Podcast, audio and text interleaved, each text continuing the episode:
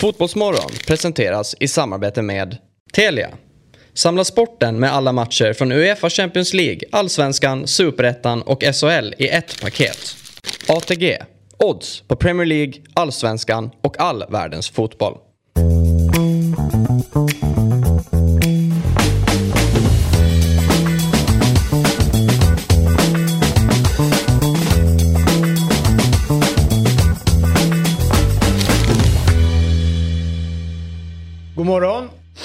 Och välkomna till Fotbollsmorgon och vi skriver in den 25 oktober vecka 43.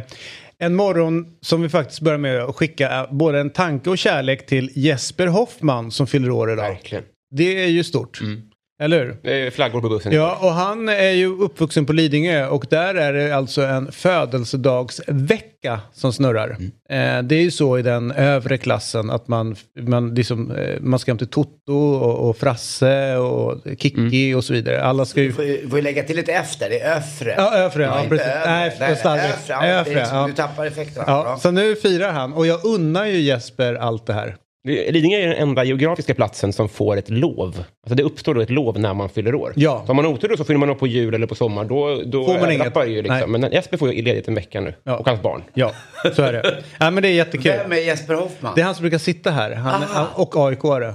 Men familjen är djurgårdare, men han har gjort revolt. Så det är lite så som jag har i min familj. Ja. tror jag. Ja. Ja, precis. Det, det känns ju som att du blev den felande länken. Eh, men välkommen hit Anders Timell. Ja, tack snälla. Eh, och du, du ska absolut inte känna dig som att du är ersättare för någon. För det går liksom inte. Liksom, du är ju alltid här din egen hög person. Så du ska sitta här med gott självförtroende och inte tro att du är liksom så här plus ett. Utan du är verkligen en del utav oss från start. Åh, Ja, tack snälla. det tack ska du snälla. känna. Det bara så, så känner vi. Ja. Eller hur Robin? Verkligen. Ja. Känns redan kul. Vad säger du? Känns redan kul. Ja, det känns, och, och lite märkligt. Ja, faktiskt. så tidigt så att han blev en del av gänget. Men det, men det är bra, Ja. tycker jag. Ja, följ Jesper här och nu. Om jag säger, ja det gör vi, ta bort Jesper. Om jag säger division 5 2011. Ja. Vi, eh, vi ska, jag ska försöka hålla mig relativt tajt då. Vi börjar, vi ska ta oss tillbaka till, eh, faktiskt inte 2011 utan ännu längre bak än så. För under eh, ett decennium så parkerade Hane IF i division 6 eh, västra Blekinge. Och det var den verklighet man hade att eh, arbeta med. Nu pratar vi alltså Hanö som Hanöbukten där U137 snurrade upp på, på land. Eller? Just det, och där, eh, han hette ju Ushin. Ja, eh, och vi whisky in- on the rocks. Exakt, Eh, var det, ja. det var ju själva ubåtsklassen var ju whisky. Och då blev det whisky on the rocks. Jag tror att det var den 15 oktober 1981. Exakt, något sånt där. Vi kan fortsätta. Yes, yes, yes. Jag ska Ja, be att få om ursäkt för den här återkomma. men jag tror att de, då härjade de där i division 6 någonstans. För de bildades nämligen redan på 60-talet. Så det här är ju en relativt anrik klubb då. Ja. Eh, och då är det som så då att de, de parkerar ju under ett, som sagt, ett, ett, ett, tio års tid då i division 6. Men sen, plötsligt, 2010, så vinner man division 6. Och går då upp i division 5. Och här får Hane IF med eh, omnejd eh, smaka på framgången. Mm. Vad hände? Ja, men det som händer då är ju dels att det, ja, det här sprider sig i bygden, att det går bra för fotbollslaget. Och eh, man går upp i eh, division 5 Fem. då. Och vinner direkt. Man... Eh, Går rakt igenom? ja, man, man, jag, jag, Upp i fyran då? upp i fyran direkt utan att passera gå. Jag skrev ner här, man pissar på lag som eh, Blå... Blåning, Måla IF slash Eringsboda SK.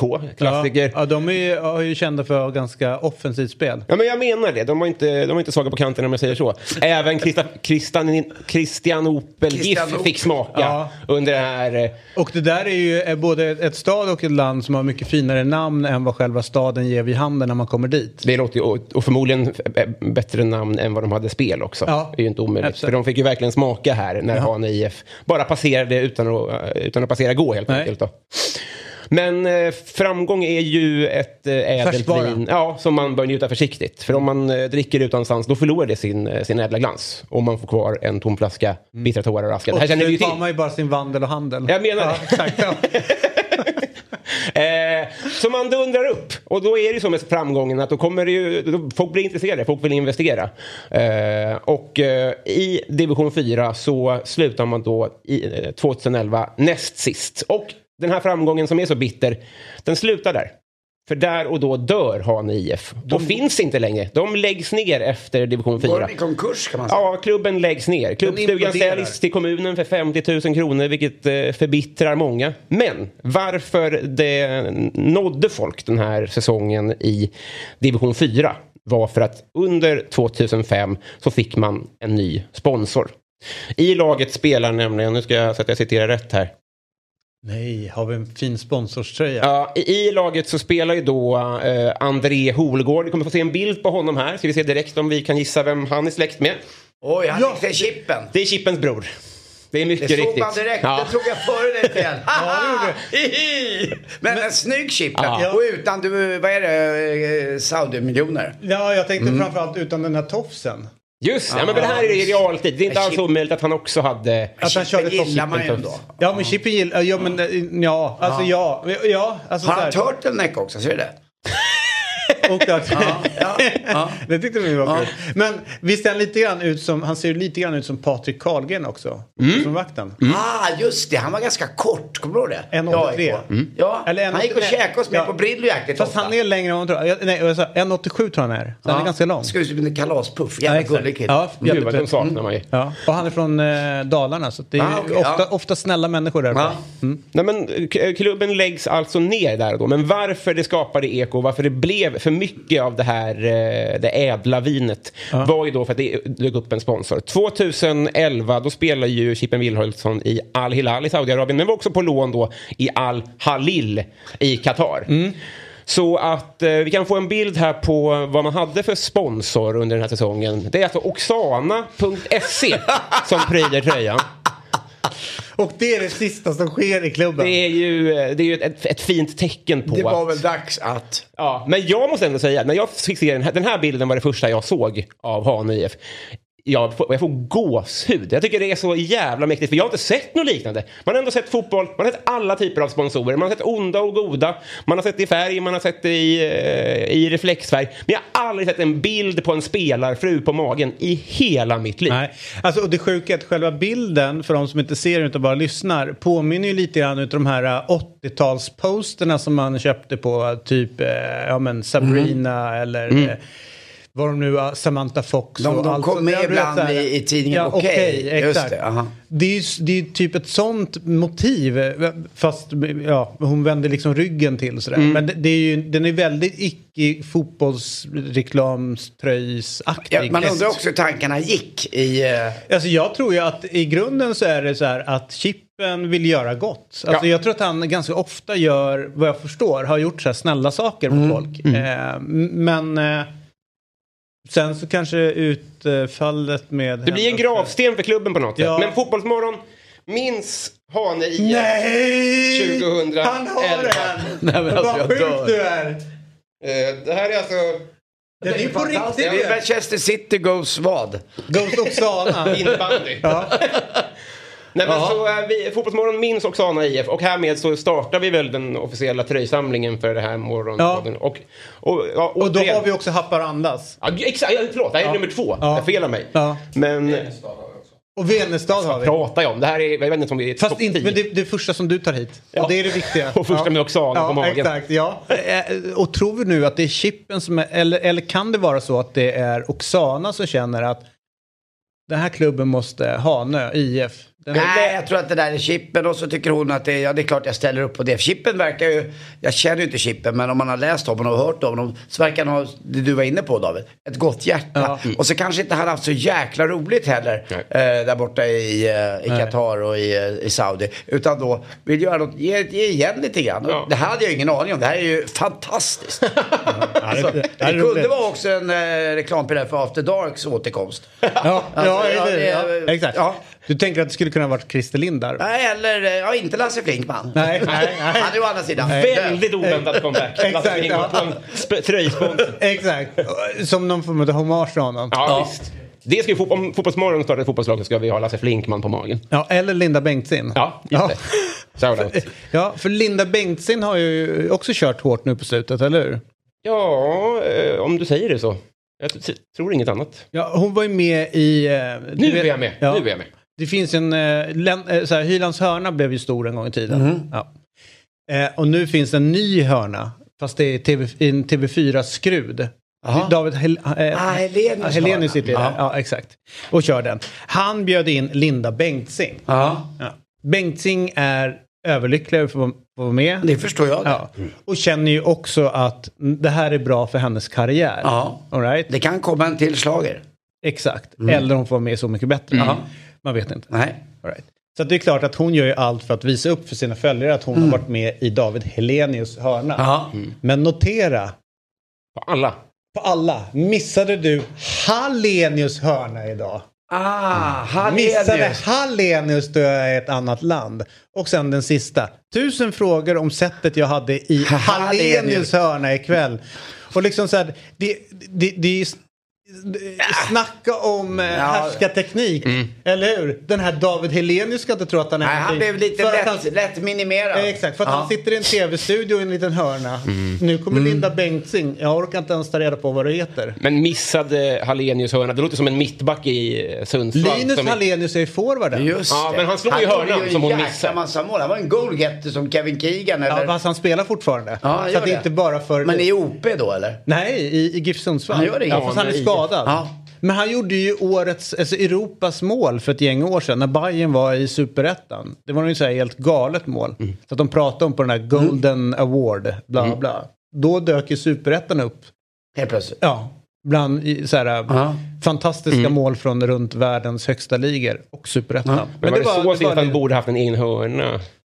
Alltså jag, det, jag känner ju nu att kanske att Linda tar det lite för långt Mm. och ger liksom det, må- målet och Linus liksom den he, egna hörnan på det sättet. Mm. Det, det här är lite som att eh, David, eh, David Fjell har blivit då tramsfrans i Aftonbladet. För han är ju expert på sånt här. Han hittar ju såna här roliga saker som eh, influencers håller på med när de lägger upp fel eller något blir Mhm, dumt. Eller, jag tror det var var någon Molly va, som åkte taxi i Stockholm och hävdade att hon Ja, var i Paris. ja, ja. Där, jag Hello, expert. Paris. Och så- så är det så här, ja, Taxi men det här, Stockholm du är lite lik där. Ja. Tramsfjäll? Ja. Ja. Frans. Trams. Tramsfjäll. Frans, Frans. Han är väldigt rolig. Ja, right. ja, ja. visst. Ja, det han tror har tyvärr slutat på Aftonbladet nu och kör själv bara. Man kan följa honom på Instagram. Tramsfrans. Ja, då ska jag göra det. Jag gillar honom. Ja. God man. Han lär väl kanske hitta något dumt att skriva om, om här. All right. vi säger grattis till FC Rosengård. Jajamän. Ja! SM-guld! I kavaj, SM-guld, eller vad säger man, klänning? Ja, visst. Ja men det är jävla konstigt, varför ska det heta kavaj? Ja, det är, Ja. De har ju aldrig kavaj. Nej, ingen har ju kavaj. Ja, jävla roligt, de vann ju. Det var ju starkt gjort av 13 SM-guld. tror jag det var. Jajamensan. Eh, Linköping FC tappade poäng hemma mot IFK Kalmar. Mm, det var Kalmar svagt. Ja, men Kalmar gillar jag lite grann. Kalmar. Kalmar. Vilket innebär att de regerande mästarna från Malmö kan titulera sig bäst i Sverige på nytt. Det här är stort. Ja, det är det verkligen. Mm. Och eh, Emma Berglund, hon tog sitt sjunde SM-guld. Mm. Det är fan häftigt. Mm, det är imponerande. Eh, och Caroline Seger har tagit fem SM-guld. Båda två har tagit tre stycken i... Eh, Och då ser man ju ändå Seger framförallt som ett utlandsproffs. Ja. Alltså det är ju... Så hon, hon kommer hem eh, och vinner. och, Mm, det är så, coolt. och så drar hon iväg igen. Oj, så pass. Ja. Så att, eh, stort grattis till eh, Rosengård. Vi har Ja. alltså försökt sen igår kväll, hela natten Mm. och nu på morgonen också få, försökt att få tag på någon från FC Rosengård. Men de har gjort sig eh, helt... eh, De har gjort sig oanträffbara. Ja, bara, ja. Antingen är det en, en strategi, eh, mediestrategi, att de inte vill prata om guldet. Mm. Eller Mer troligt. så är de svinbakis. Ja. Eller fortfarande igång. Och festar. Och Man vill ju ändå ha den där euforin när någon vinner SM-guld med Ja. hattarna eller hjälmarna eller vad det nu är. Det är ju den man vill ha. Den, Ja. den, får, den missar vi ju nu lite med Rosengård. Ja. För det är inte så kul att ta på den i nästa match. Det är någon omgång kvar eller två va? Ja, det är det. Ja. Alltså, ta mästare i kavaj är hädiskt. jag. Det är det tråkigaste. Förutom VM 87.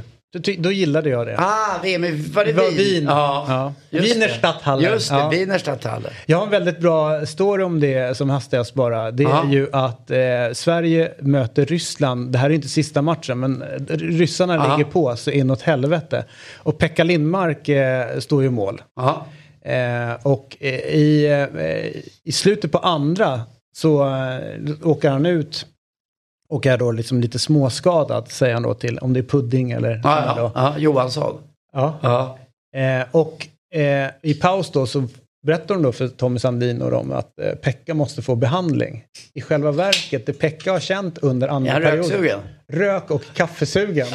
Det är liksom det, är det som, det är Det är det som trycker på. Ja, ja, ja. Så att i paus då så säger de så här, men Pekka får behandling. I själva verket, de lyfter ut honom och så sitter han utanför Wienerstadtshalle mot en vägg i solen och Tar tar, en gul ja, och, och tar en kaffe. och sen går han in i tredje och stänger igen Det fullständigt. man. Var är Pontus Orre då med sin kamera? Det hade man ju verkligen velat se bilder på. Alltså. Ja. Men du, innan vi går vidare då så eh, kanske folk undrar, okej, vad har eh, Anders Timell egentligen för koppling till, eh, till sport? Och det här är lite lustigt då. Jag jobbar under eh, rätt många år med en, en herre som heter Roger Blomqvist. Ganska speciell sådär, eh, men för oss som jobbar med honom, på riktigt världens största hjärta och världens så snällaste människa. Ja, det var Eh, och, Han är död. ja, tyvärr. Mm, tyvärr. Eh, och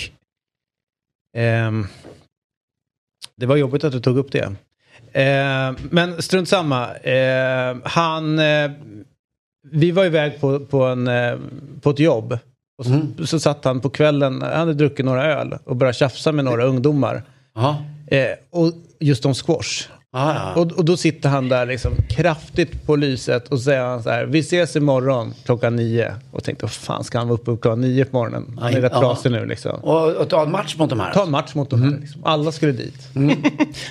och han dyker upp där nio och de, de, de kommer ju dit. Och de får ju råpisk kan jag tänka mig. Så inåt helvete. Mm. Squash funkar ju så. Ja, han, alltså, vet, han är ju jättestor och jättetrött så Ja. dagen efter. Och sopar banan av dem. Det visar sig att han har ju varit svinduktig på squash. Mm. Förbundskaptensliknande roll eh, för yngre. Och har jobbat med dig och plockat ut dig i squash. Mm. Och säger att du var typ en av Sveriges absolut bästa squashspelare. Ja, jag var väl en av de mest i alla fall talangfulla. Jag vann ofta första game. Okej, okej. Men just squash eh, var, eh, för, för, det, för vi satt och pratade om det, han sa ju det, det var ju den här motsvarande boomen som paddel är nu. Ja, exakt. På 70-talet ja, ungefär. 70-80-talet. Exakt. Till och med ute i Åkersberga så hade man åtta banor. Ute på Lidingö hade de elva banor och det byggdes upp sådana moduler i hela Sverige utanför eh, eh, Malmö också. Nord, eh, vad hette det? Det hette eh, eh, vad heter det? Nordstaden? Nej, det är Göteborg. Eh, Bellevuehallen hette den. Och såna här, det byggdes överallt. Precis den här boomen som var. Men det var, den höll lite, lite längre. Padden har ju gått det, ganska fort ner. Va, men idag då, spelar du någonting eller ser du någon likhet mellan just så här, eh, squash och, och paddel? Eller? Nej, jag tycker att eh, paddel är ju mer en... Eh, där ska man ju stå så löst som möjligt. Eller för sig, jag kan tycka... Alla tycker att de kan spela paddel. Paddel är faktiskt mycket svårare än vad man tror. Eh, kan jag säga. Och, men i squash ska du ibland slå hårt och ibland slå löst. Men i paddel är det nästan bättre ibland att slå lite lösare och fjutta runt. Så det, det är andra parametrar som är. Men squash tycker jag är mer...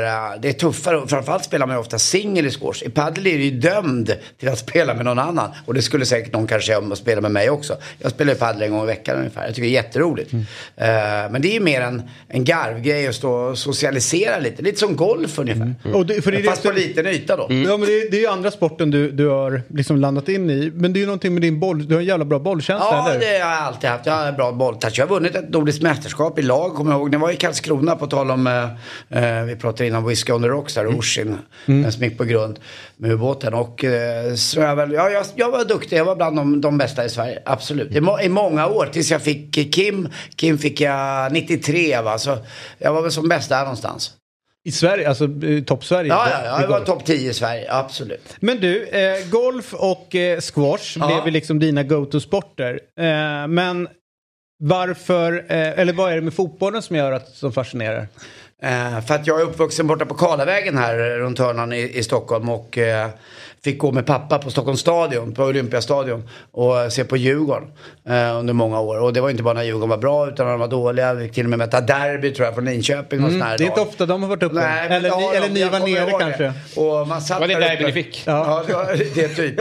Och eh, jag, jag älskade Stockholms stadion, även om det var de här tartanbanorna, eh, åtta stycken som förstörde lite känslan. Men att sitta där uppe, och ibland också om det hade regnat två dagar innan uppe på Stockholms stadion. Och man satte sig, och ni vet när man upptäcker efter en kvart, Att jag är dyngsur. Ja.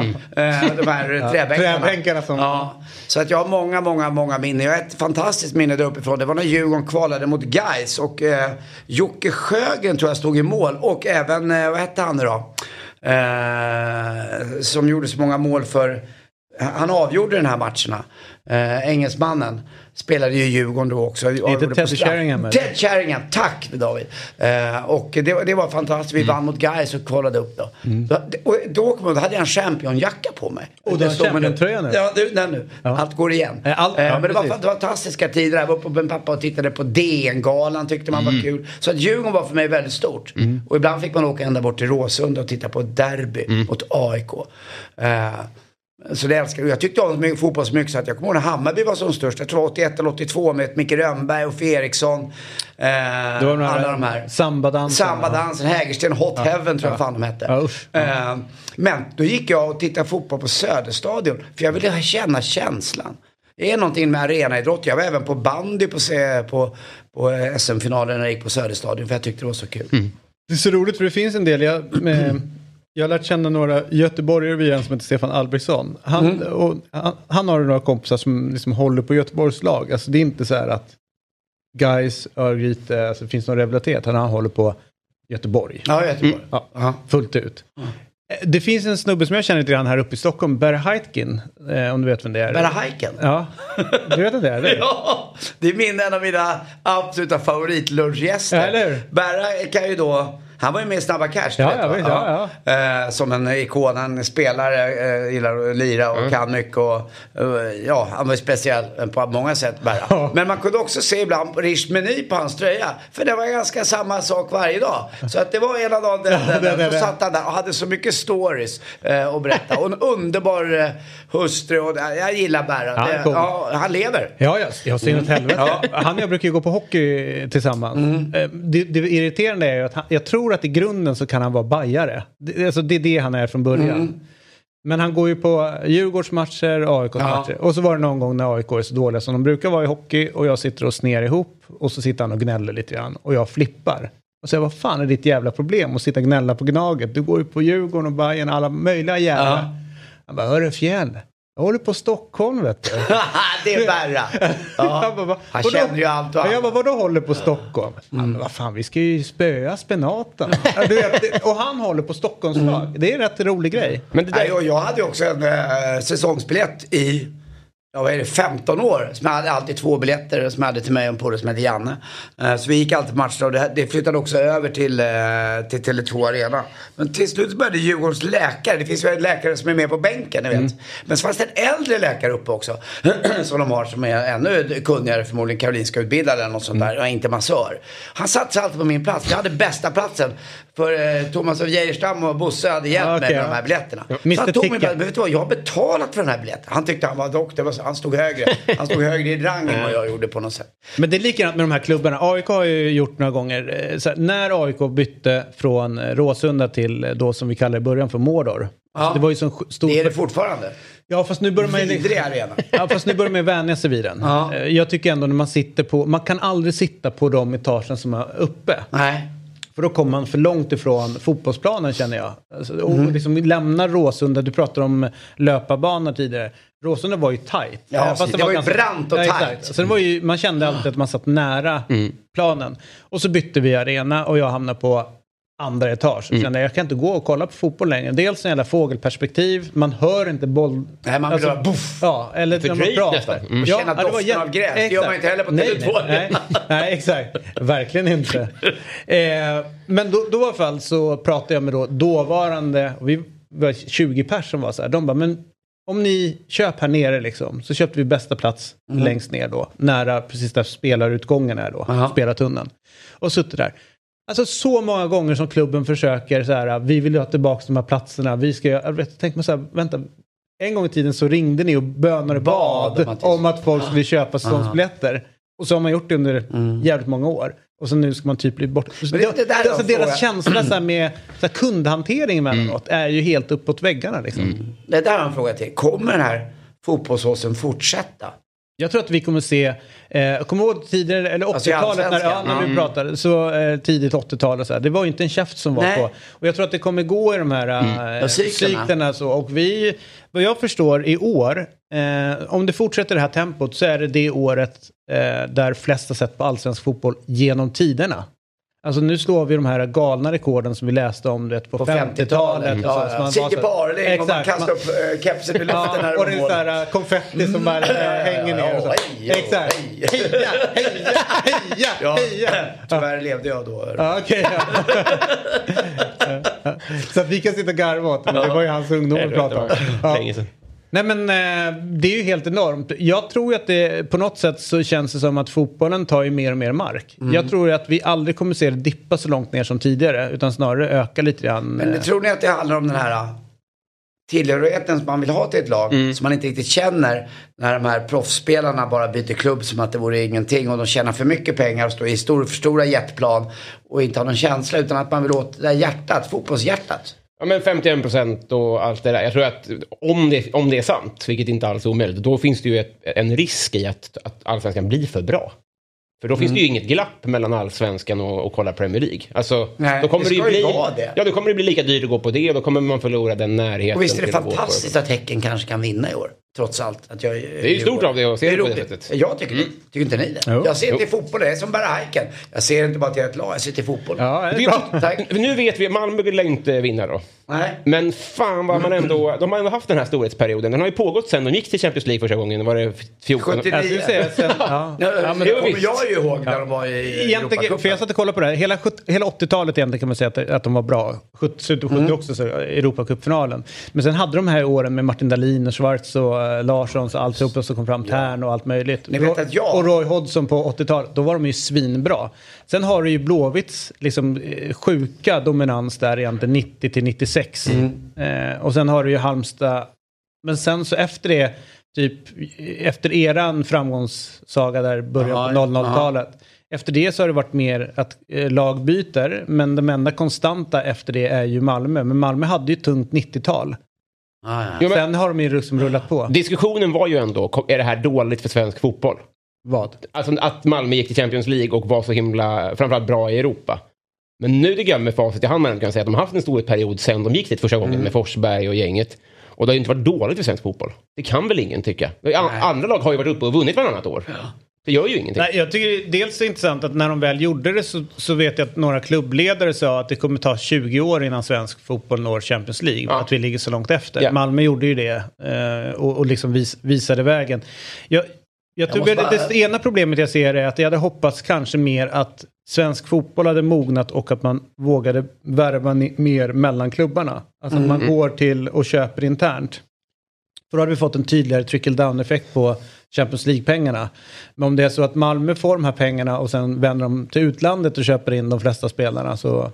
Nej, det blir lite tråkigt. Jag tycker det är kul med det här Markovic som avgjorde igår mot... Eh, Ja, jättekul. mot ja, men det, det jag förstår jag att du tycker det var ja, kul. Det var, ja. Jo, men det, Ja. han spelade, visst, jag hade spelat i, i några svenska lag också. Mm. En, eh, Ja, men han, Ja. och, och det är deras Norrköping nya, var ja, det, exakt, och det är Ja. deras nya scout nu som de, har, som de faktiskt värvade från Ja. Norrköping. Som värvade in honom eh, och liksom det är hans go-to-kille. Eh, han, jag tror att det är andra, Ja, tredje gången de värvar honom. Men, men jag tycker att eh, det är intressant att de då eh, om man bara isolerar Blåvitt och den förändringen de gör nu så är det ju att eh, jag, Ja, men de har ju sparkat Farnerud, eh, de har gjort ganska stora förändringar på, på sporten. Håkan Mild eh, verkar vara den som rattar själv tillsammans med Ja. den här scouten. Så att de är ju på något sätt i början på någon, någon, något det kanske är bra. Jag måste få berätta en rolig anekdot här bara om just Malmö. Ja, gör det. Eh, det var, jag, jag har ju vunnit ett eh, utländskt eh, stort, eh, eh, en stort en eh, squashtävling. Rio Open. I Rio. I Rio. Eh, ja, jag åkte ner och spelade den här. Eh, Det var några svenska landslag med Anders Wahlstedt och gamla landslagskaptenen Olle Haglund och några till. Var rolig eh, spelade där. Men jag var också god vän med Jean-Paul von der Burg, Champa. Mm, ja, Vi gjorde lumpen tillsammans. Ja, bajare. Eh, han spelade sedermera i Yokohama också och lite annat. Men han spelade och värvade till Malmö det här han? året. Vad hette han, och Roy, eh, Jean de Paul. Jean-Paul von der Burg. Von der Burg. Ja, Ja, Ja, ja, visst. ja. Han spelat med i landslaget. Ja, ja, han har det. Ja, ja. En underbar person. Eh, Vad och- gör han idag? Han är blivit svin, han har blivit ganska tät schampa och tjänar lite pengar på lite eh, köp och sälja mark och grejer. Och, och, jag tycker om honom jättemycket. Vi har fortfarande jättebra kontakt. Men på den tiden spelade han i alla fall, blev värvad då till, till eh, Malmö. Och Malmö skulle åka på resa för de hade vunnit allsvenskan. Åker till Rio. Och där i Rio möts jag, jag ska gå till spelarhotellet. Får möt, möter Roy Hodgson. Jag såg ju ännu värre ut än vad jag gjorde nu, eh, idag typ. Eller, eller kanske inte igår. Men, nej. men då, och det här gänget som var. Jag får alltså på, på, nere på plan får jag spela fotboll med. Det var alltså eh, Stefan Schwarz, Per Ågren. Ja, ja. Det var. Jan Möller. Eh, det, det var hela gänget. Martin Dahlin och alla. Och jag vann en tävling. Alltså ni pratar om mitt bollsinne. Men man vet man kickar i luften. Ja. Så var jag kvar och fick vinna. Och Möller hade med sin son också kommer jag ihåg. Det här var liksom en happening, en familjeresa. Och det var helt fantastiskt. Och det där Caipirinha så det garvades. Och det var och. Janne Möller hade. Janne Möller, kommer du ihåg Bosse Hansson? Möller den långe och Prytz den lille. Lille- lille- ja. Och- Förlåt Robin, men det kommer gamla grejer. Bosse Hansson sa alltid så. Och vet du vad, vet vad Janne Möller hade lite grann som var lite coolt? Han var då målvakt. Men har du tänkt, trots att han var så lång. så Tänkte att han ibland hoppade han upp och hängde sig i ribban lite grann. Ah. Som, som, lite, som, som sin grej. Ja. Det var ju oerhört coolt gjort. Power move. Oer, ja, s- Så inåt helvete kan jag säga det. Mer sånt. Men hela han var ju en power på något sätt. Ja, man gillar Men han kunde ju dessutom göra en sak. Eh, han gick ju till Bristol City sen, kommer du ihåg det? Ja, ja. Eh, han kunde ju kasta, Kasta över hela, hela planen. planen, ja. Det var ju det man bara, han orkade han kasta över hela planen. Tänkte jag, Själv drog man iväg kast med liten boll på Exakt. 60-talet, 70-talet. Men där var det kast med stor fotboll. Ja. Över Och det- hela planen. tog den och bara- Ja, ja, ja. Den kan dra. Och så var man så här, tror du att Janne kommer kasta bollen då? Ja, Det tror jag. Det var ju därför man gick på fotboll. Det var värt hela entrépengen. Det har blivit dags för kvällens höjdare. Och vi gör det i samarbete med Telia. Eh, och eh, kvällens matcher börjar tidigt. Salzburg mot Chelsea. Det är ju kvällens viktigaste match på Telia. Eh, kommer antagligen skaka om hela streamingtjänsten för att det är så många som kommer in och kollar på den. Samtidigt. Hör ni det förresten, apropå skaka om streamingtjänster? Spotify höll ju på att gå i, i putten, eh, eller gå under. När Taylor Swift slä, släppte sin eh, låt. Det, alltså, det var för många som gick in och började streama samtidigt. Är inte det coolt? Det är ju goals. Ja, jag tänker att det kommer bli samma sak för Telia ikväll. när Chelsea möter Salzburg. ja. Ja, Och när det här avsnittet släpps också. Ja, så att när... Eh, om det skakar till hemma i tvn vid kvart det i sju är. Nej, visst, så är det bara Chelsea det. som spelar. det. Det är kvällens totala höjdare. Ja, men du får det, det tidiga matchhöjdan, helt klart. Ja. Det får du. Sen har ni, eh, ja men det, det, ditt Borussia möter ju Manchester City. Ska det bli kul? Eh, Man, är ju, eh, man har ju garden uppe, så att säga. Jag har inte jättemycket självförtroende när den här typen av gäster kommer att knacka på. Men det ska bli kul, absolut. Benfica-Juventus tror jag Myggan är lite nyfiken på va? Ja. Är Juventus på väg? Är de tillbaks? Nej, Nej, nej, nej. Men jag älskar Benfica. Det Ja, det är min Benfica som är grej. Myggan. Ja, Min grej alltså. Ja. Det var... Så det här är höjdarna från Telia och utifrån det här så har Myggan hittat ett rysarspel där du bara får spela om du är 18 år eller mer. Och om du har problem så finns stödlinjen.se. Men jag ska säga, vi satt ju igår. Eh, 10 kronor satte jag in och fick tillbaka 100 så att jag får både lunch och en liten Brämhults. Och nu säger Brämhults utan att få betalt för det. Du kommer inte få råd med Brämhults, men du kommer få dryck.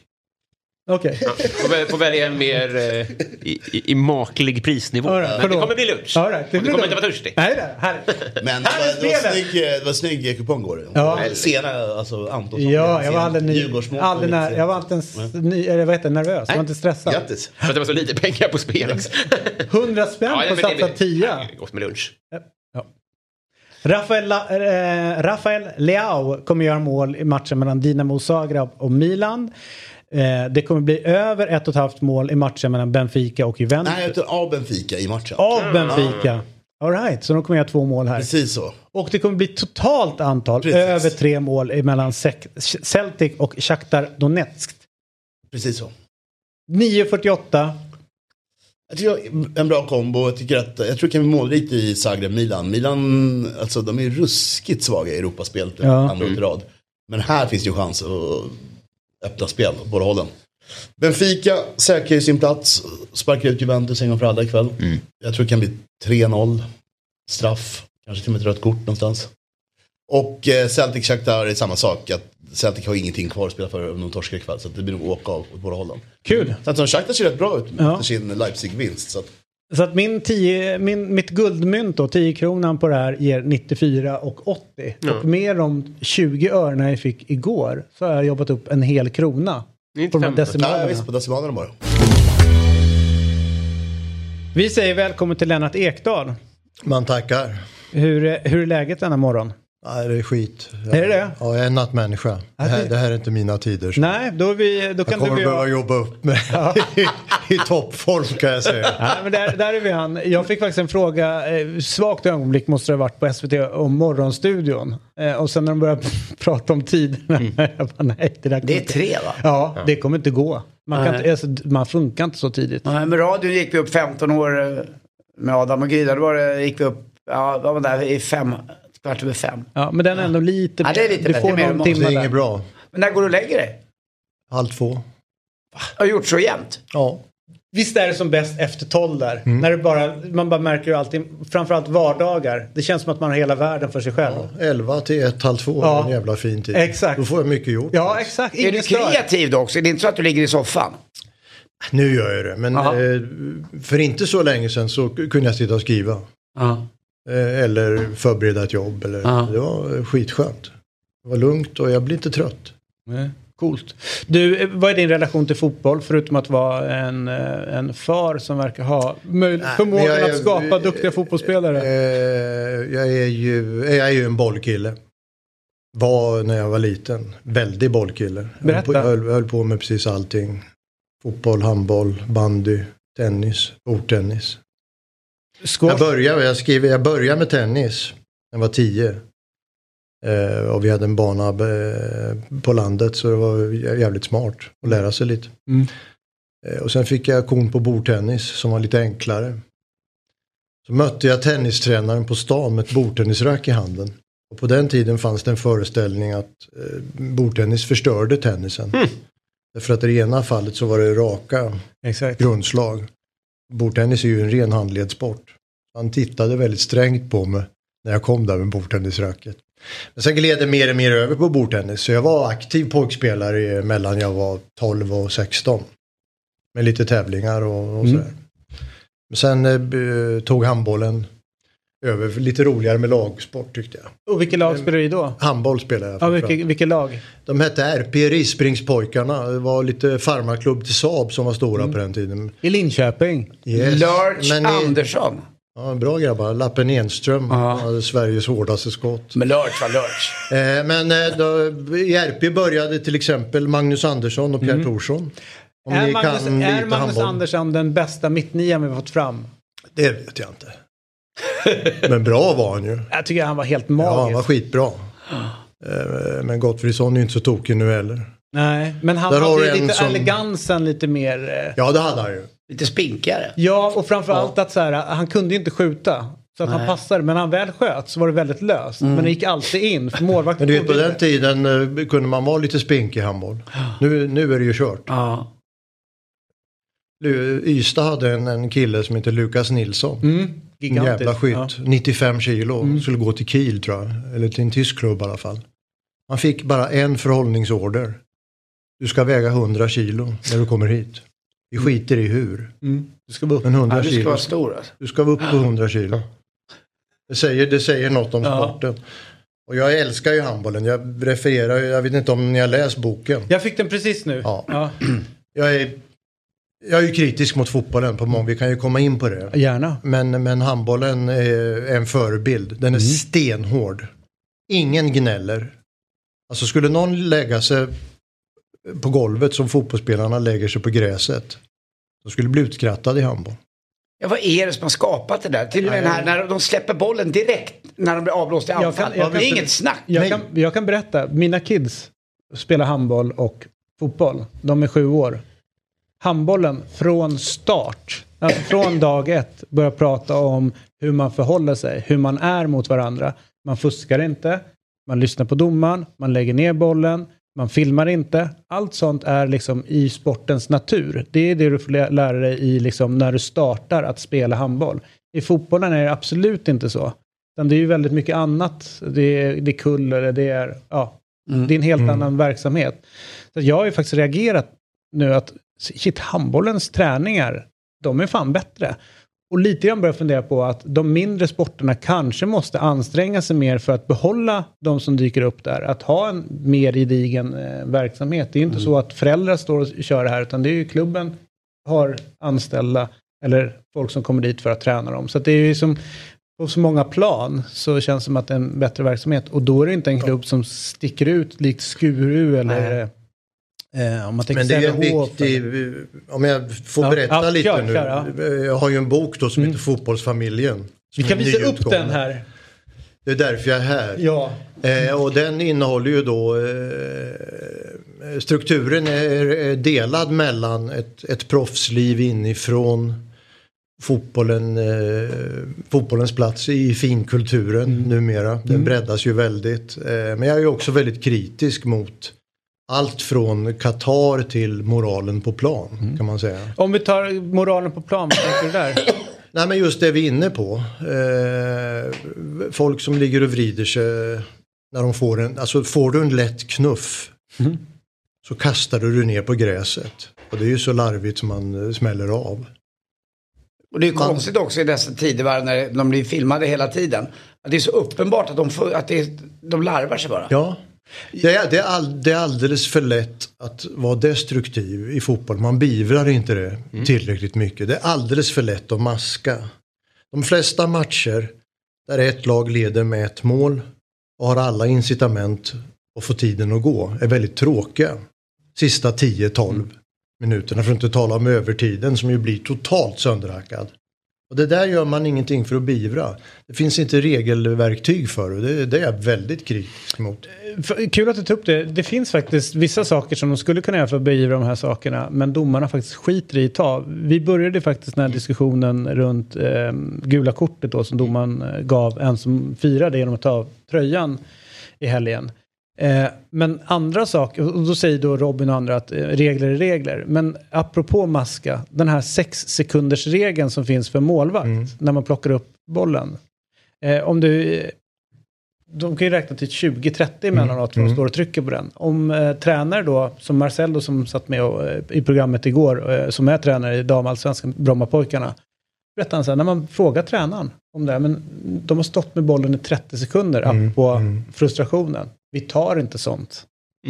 Alltså då har, de, då har domarna De bestämt skiter i det. Då, det har de Jag bestämt. har ju med de- Jo- Jonas Eriksson i boken. Ja. Han har dömt i 31 år. Det är väl Sveriges mest kände domare. Han har aldrig blåst för 6 sekunders regeln. Nej, det är helt... Aldrig. Inte ens han. Aldrig under 31 år. Det säger något om den regeln. Och det är inte Och varför den, finns den då om man struntar i det? Ja, det är en kanon, kanonfråga. Alltså, och, och den kan jag bli, Ja. i synnerhet när man Men då det, har jag gick ju igenom regelverket där som, eh, Alltså du ska få gult kort om du fördröjer spelet. Japp. Hur många gånger fördröjs spelet under en fotbollsmatch? 30? 50? Jag skulle säga egentligen varje gång, antingen när matchen startar och laget som är lite sämre får chansen att dra ner på tempo så kommer de göra det. Och när man leder i synnerhet slut. Så det är hur många gånger som helst det är. Ja, så, så fort ett lag har en ledning Exakt. fördröjs spelet. Ja, ja. Men du vet då... och Men då sen är det också så här, vad inne, alltså till en viss del, lugna ner, det är ju den saken. Men roligast är det här när de vägrar plocka upp en boll. Ett boll kommer rullande mot den och du ska ta ett inkast. Eller tar de en annan boll. Ta en annan boll, Ja. låt det där rulla mellan benen och ta någonting annat. Men är det för att domarna bedömer att gult kort är ett för hårt straff för det brottet? För, Ja, vad- det, det är en bra tes. Alltså, min poäng är ju att eh, bestraffningsverktygen i fotboll är alldeles för trubbiga. Du skulle vilja ha någonting mer än gult och rött. Ja, det, det är för trubbigt. Men, men ta ett rött kort, det, det blir ju orimligt. Ta Jeremejeff i helgen mot Toivonen. Vad fan var det? Jag menar, okej, han markerade lite, men det var ingen armbåge, ingenting. Han, han missar hela matchen, han missar hela nästa match.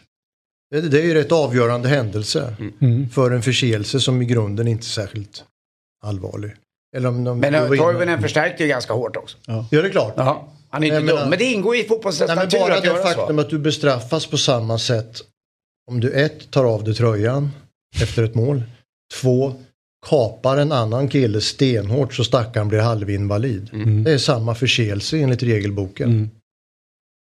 Jag läste någonstans, de, han Arsene Wenger eh, som tränade Arsenal i, i tusen år, fransman. Eh, han har ju nu hamnat på ett, på ett jobb inom, om det är Fifa eller Uefa, där han ser över reglerna.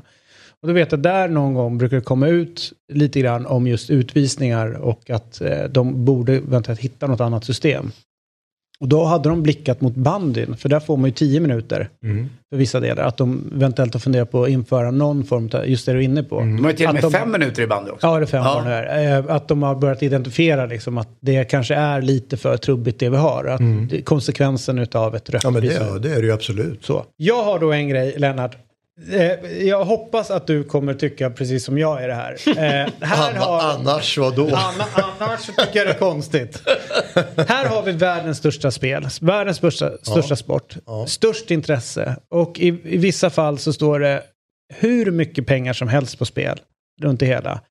Eh, Vi har kommit fram runt reglerna med hur man, vi ska vara på planen och, och ja, hur vi ska spela och räkna mål och sådana saker. Men vi har inte kommit överens om hur lång tid vi ska spela.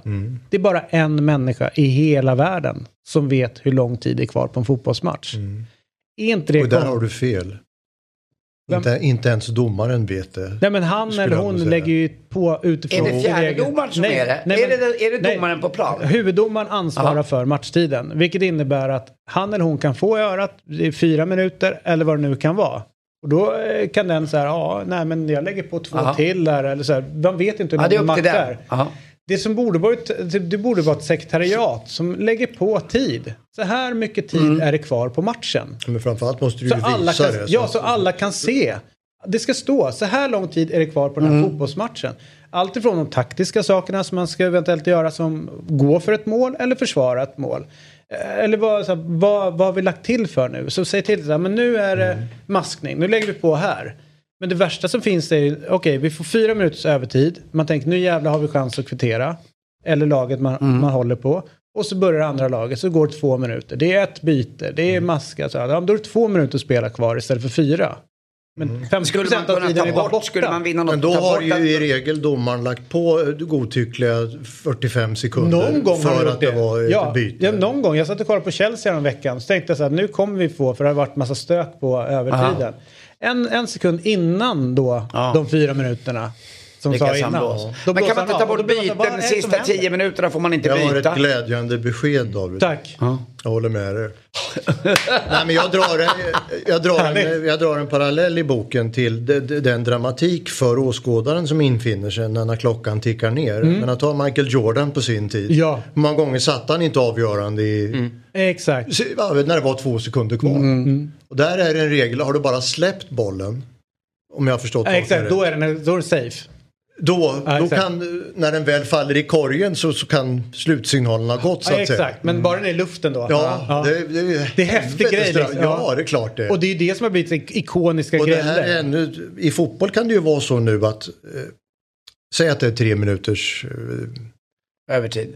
Ja, när, Mm. när det då är 15 sekunder kvar då kan man se liksom De står och trillar mellan backarna. Ja. För de har liksom ingen koll. De har ingen aning.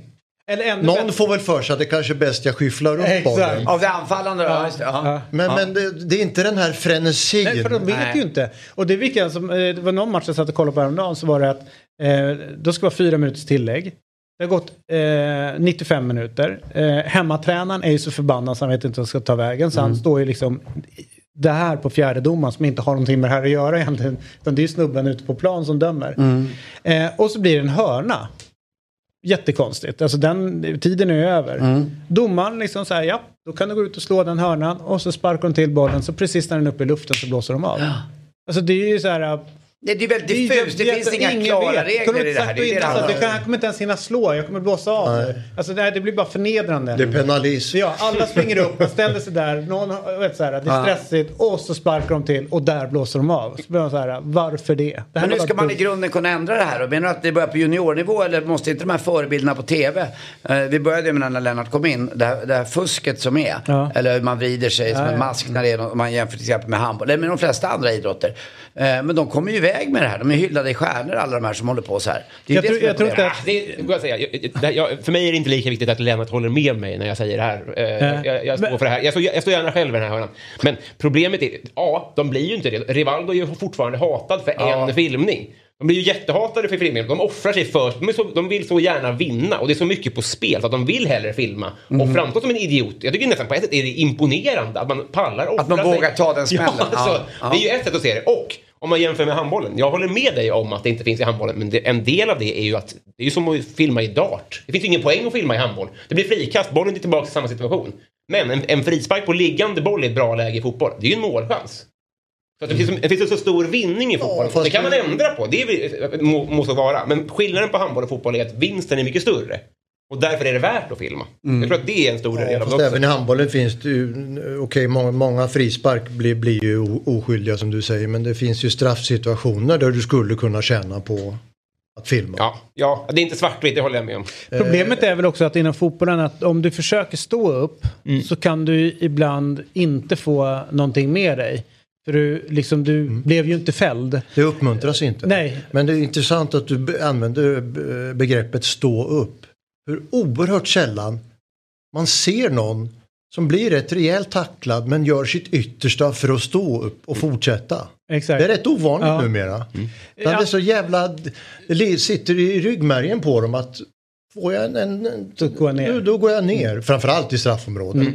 Mason Mount eh, fick ju smällar eh, något jävligt och ville liksom stå Chelsea-killen. och försökte stå upp och, och avsluta och gick utanför. Och då direkt då så säger de i paus eh, i det här läget, det märks att han är ung. Om han har varit lite äldre så har han förstått att här måste han lägga sig ner.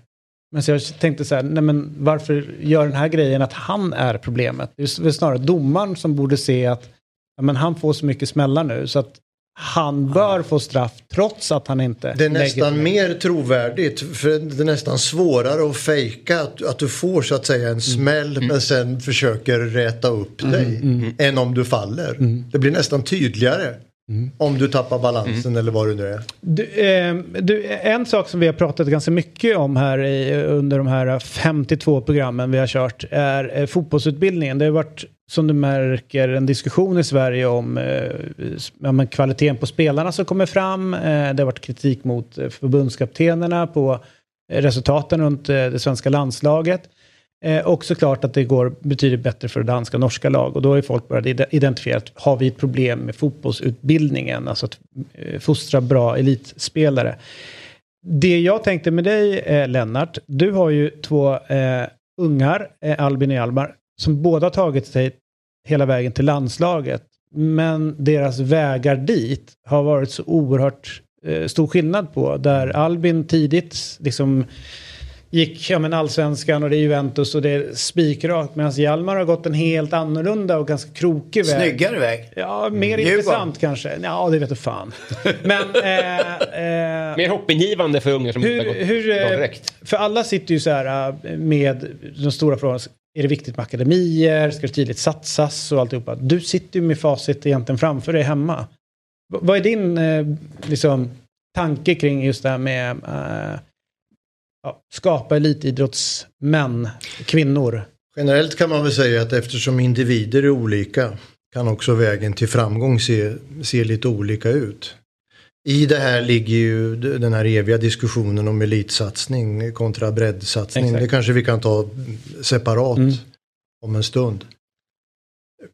Albins väg eh, be- bestämdes ju väldigt mycket av hans enorma dedikation och energi. Ni fattar ju inte det, ni som inte såg det, men han han var som en slottermaskin från han var fem år. Han skulle bara fram och det... Ja, han, han blev på något sätt självklar stjärna. Får jag nog säga. Det, det var rätt häpnadsväckande faktiskt. Och, och sen, Redan i unga år alltså. ja, från fem år. Ja. Han bar hela, och det har han ju sagt, det säger han i, i boken att hans enorma stjärnstatus upp till 14 års ålder har, har legat honom i fatet. Han har känt det här oket och ta ansvar för laget och får de stryker hans fel. Det är inte lagets fel. Det kan han känna lite fortfarande, även i landslaget kan han ha den känslan. Vilket ju är lite häpnadsväckande.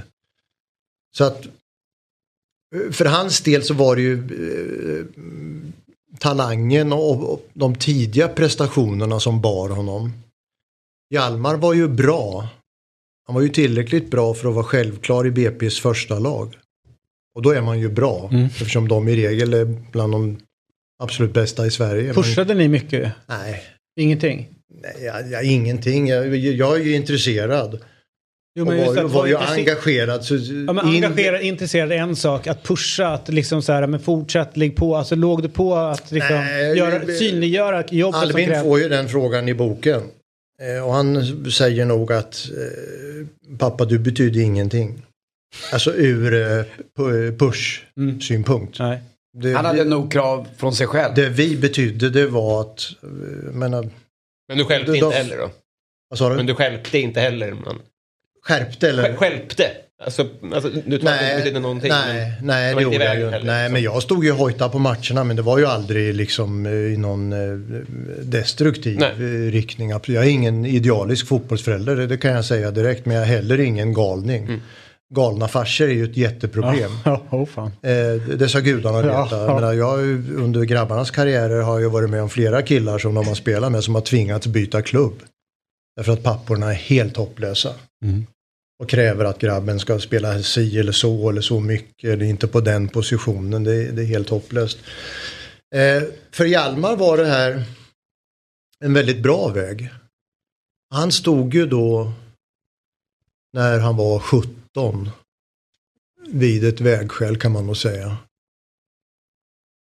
Han var bra men inte skitbra. Eh, och då dök det här USA-möjligheten upp. Jag, jag hade träffat en polare på, på en midsommar tror jag det var. Vars söner hade varit där och han berättade om det här collegeupplägget. Och det lät rätt utvecklande om inte annat. Jag lanserade det för Hjalmar att för han var tillräckligt bra för att kunna få ett stipendium. Mm. Vet det är ju inte gratis. Nej, nej. Det är 40-50 000 dollar per läsår. Alltså vi, vi pratar en och en halv miljon för en utbildning. Det är bara Steffo som kan hosta upp det. Oj, oj, oj, oj. Ja, Han, ja. han tar bort en fredag bara. Exakt. Ja. Ja, Frå, fråga mig. Eh, ja. Men han tyckte, ja, men det, det kanske inte är så dumt. En annan fördel var att då hade han ju en, en syssla efter gymnasiet. Så Var det viktigt för dig också det här att det kanske blir en, eh, en utbildning? Alltså att, eh, har det varit viktigt för dig att ba- barnen ska bära med sig trots Ja, satsningen det är på ju fotboll? viktigt. Jag menar, jag var ju en, en enkel grabb som hade en jävla tur att halka in på samhällsjournalistik. Och då var jag ju tvungen att liksom eh, utbilda mig lite kring hur samhället funkar och det är ju väldigt stimulerande. Du får ett roligare liv helt enkelt. Det är ju ett råd till alla som håller på med fotboll. Mm. Bredda er för tusan så tidigt och så mycket ni kan.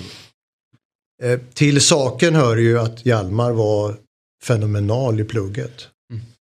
Han gick ut med 18 an i studentbetyget. Från morsan tänker jag. Ja, absolut. Ja, ja. Han har mycket från morsan, Ja. det ska du veta. Men får jag bara fråga, vad stod det emellan? Vad var, fanns det något alternativ än att åka till college då? Funderar Nej, på vi kom, annan väg? eh, nej, vi, ja, han, han sökte, han kom ju in på Handels och den typen av utbildningar. Mm. Han hade en eh, ekonomutbildning i Köpenhamn som var väldigt populär. Som man funderade på, det var någon polare som, så alternativet var ju att, börja plugga. Hur gammal är äh, Hjalmar nu? Han fyllde 24 häromdagen. Jag menar, det är inte för sent. Han är ju... Ja, men han, har, han har tagit en fil. nu. Jag menar det. Ja, han, men, Han har gjort det parallellt. Snacka om att ha något att falla tillbaka på. Det är helt Hans, hans fantastiskt. första år i Djurgården heltidspluggade han på universitetet Ja. samtidigt.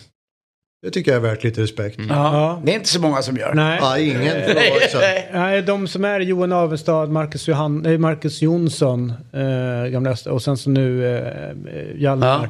Det är de som är, och sen så vi hade några till, men det, det är oerhört få som har kört. eh, Som har studieskulder. Nej, ja, men framförallt, Ja, men de, vet- de har ju tid för fan att göra När det. du gör så, att du breddar livet på det sättet så får du också en väldigt hälsosam inställning till fotbollen. Som jag tycker Hjalmar har.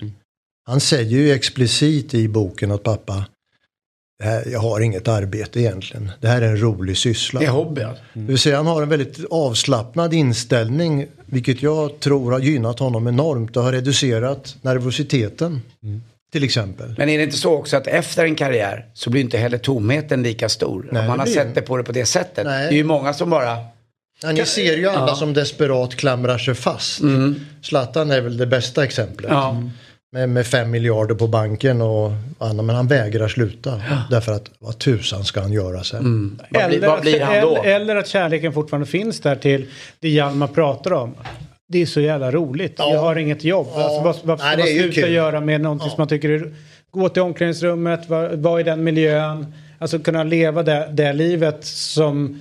Ja, men, eh, det är klart att om man kan inte, inte sluta med det som är så jävla roligt. Ja, Pusha men det- på något år till Absolut. på den nivån. Det är ju, eh, alltså fotbollen är ju väldigt svartvit på det sättet. Alltså, Albin har ju haft en rätt kämpig karriär. Mm. Väldigt mycket skador och en del felbeslut. Men han säger Vilka ändå- felbeslut tänker du? Ja, men med, med klubbar och ibland har han stannat Är det för Hamburger och- kanske då som blev fel eller är det... Ja, det blev ju fel men det, det, han hade ingen anledning att tro det eller misstänka det. Så Nej. det, du kan nog kalla det otur. Mm. Samtidigt fick han ett väldigt bra kontrakt som vägde upp. Och vem hade inte gått, alltså Nej. om man ska hårdra det, vem hade inte tagit den? Till exempel. Ja. Hur som helst, Ja. han säger trots alla motigheter är det här ett fantastiskt liv. Som jag aldrig hade valt bort. Nej. Och det, det är ju en rätt tung utsaga till en ung person som ska ställas inför valet. Mm. Vad ska jag göra? Mm. Bara för att fortsätta kort med, med Hjalmar. Han åkte på, eh, på fotbollsstipendium till North Carolina. Till en ganska bra klubb på det universitetet. Kanske topp 20 i landet. Eh, Och det som hände där är att det går oerhört bra i fotbollen. Från start. Dessutom har han tur. Så han knoppar in ett par.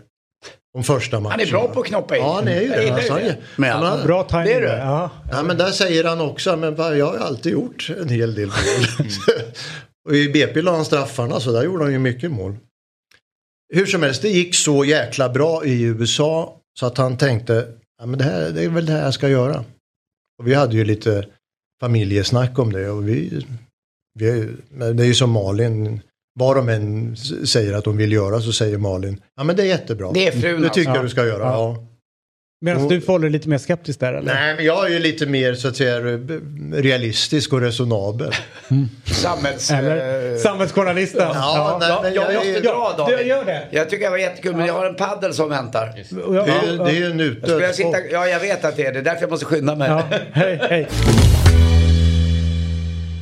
Men jag tillbaka till Hjalmar. Han, Ja, han, ni hade familjerådet hemma. Ja, lite råd, men Nej, vi, men vi, alltså, vi snackar vänta. lite och han kom väl fram till ett, eh, nej, men jag, jag ska nog satsa på det här. Och då kan jag inte stanna i collegemiljön. Nej. Så han gjorde ju sitt första år där och sen åkte han hem. Han hade en flickvän hemma, det, det underlättade. Eh, och då tackade BP nej. Med motivering att Eh, det var Olof Mellberg och eh, ja, Majstorovic. Ja. ja, just. Och Astrodin var väl assisterande. Ja. Ja, de ville inte ha honom. Så att, men då hade Björknesjö, före tränaren, flyttat till Frej. Mm. Och de var ju jätteintresserade. Så då gjorde han ju två år i Superettan. Mellan han var 18 och 20. Och det var ju väldigt välgörande. Han kom ju till sin rätt och fick spela hela tiden. Och, och sen blev det ju en, en cirkus med Hammarby. Vad hände där egentligen? Det som hände var att Jesper Jansson var förtjust i Almar, sportchefen. Och eh, Frej var ju farmarklubb till Hammarby så det var en väldigt naturlig Mm. och de fick honom ju gratis i princip. Och det var ju smickrande för Hjalmar, en stor klubb och så han skrev ju på naturligtvis. Det var bara det att Billborn var inte alls förtjust i Hjalmar. Han pratade inte med honom överhuvudtaget. Oj. Så han hade ju en rätt tuff träning så han fortsatte ju spela med Frej men tränade med Hammarby. Det var ju inget kul. Nej. Eh, och när han frågade då, tog mod till sig, hörni hur, hur ligger jag till egentligen? Då fick han bara ett avmätt, ja det är väl femte alternativ bland mittbackarna. Och inte Ja. Billborn då eller? Ja, eller ja, jag, ja, nej, jag tror inte ens det var Billborn som gav det beskedet. Det var Mm. väl någon bredvid Jesper. Hur som helst, han hajade, ja, men de här är ju inte ett skit intresserade av mig, det här går ju inte. Så då vill han ju bli utlånad. Och då hade han ju tur. Då kom han till Sirius, Henrik Rydström, Mm. kanontränare, ja, har vi ju sett. Mm. Han har ju gott rykte. Som också eh, införde en väldigt trevlig fotboll. Eh, bollinnehav, kortpassningsspel, tjonga inte iväg den för Nej, fan för då nej. blir jag förbannad. Exakt. Ungefär den inställningen. Ja. Det passade Hjalmar perfekt. Så han kom in i det direkt och fick som vanligt att spela hela tiden. Och, sen till Och resten är ju historia då. Bo Bosse ringde mig, jag stod i fikaaffären en decembermorgon. Tja Bosse! Tror du Hjalmar vill lira Djurgården?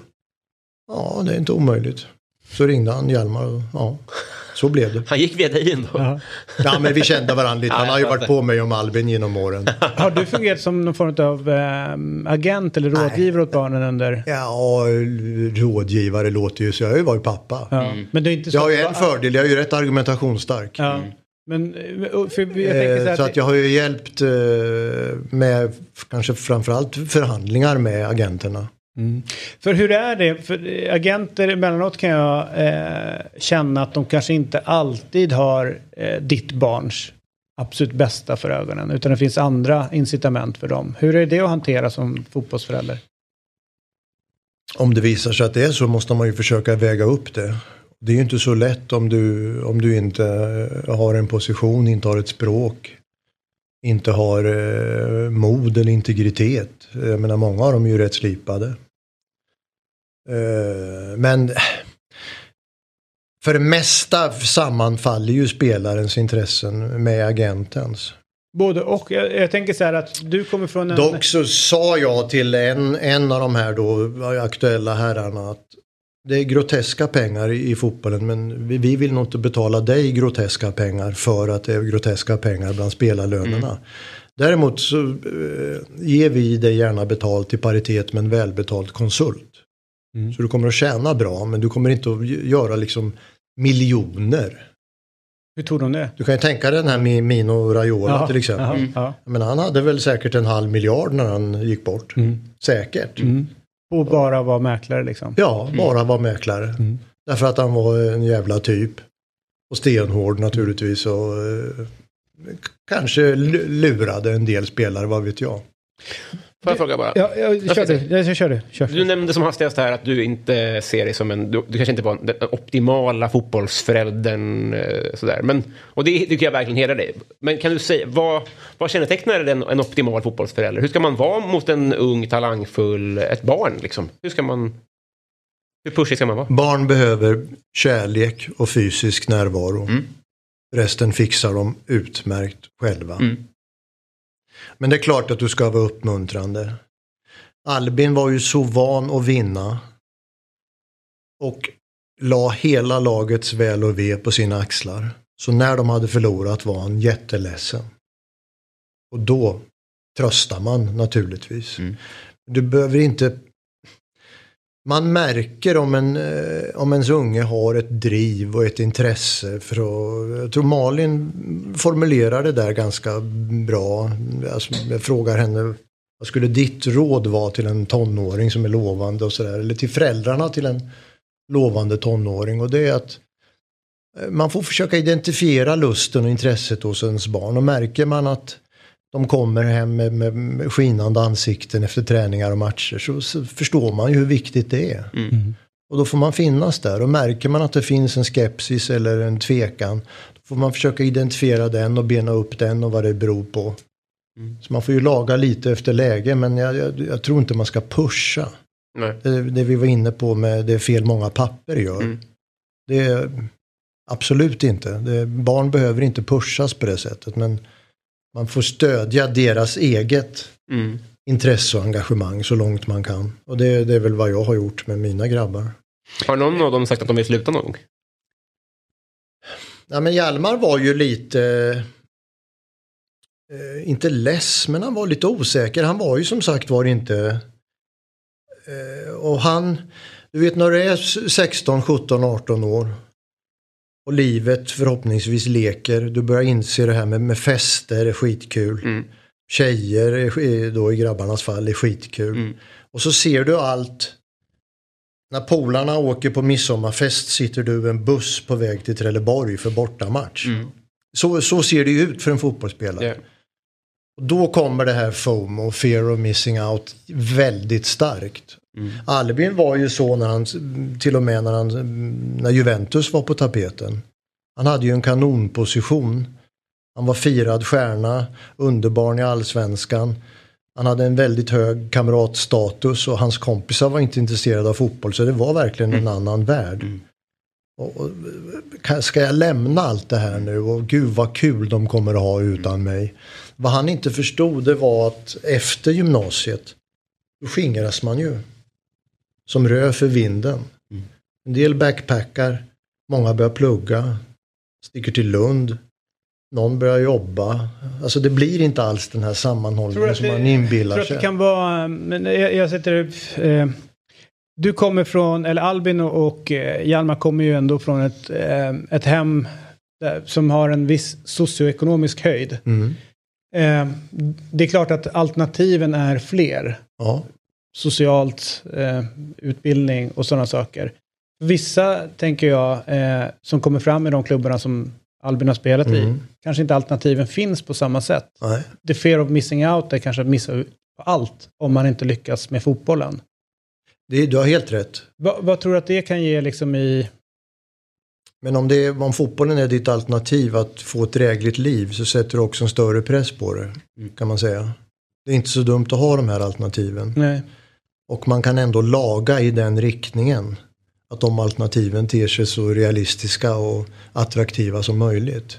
Men visst, visst är det så att, att många, för många är fotbollen en chans att, lä- att lämna gängmiljön till exempel. Mm. Det, man kan ju läsa Mutumbas Absolut. bok så fattar man svårigheterna. Mm. Mm. Slita sig loss från det där. Ja, eh, du har helt rätt. Men jag menar, jag brukar kalla det för livets största lotteri är ju att få rätt föräldrar. Mm.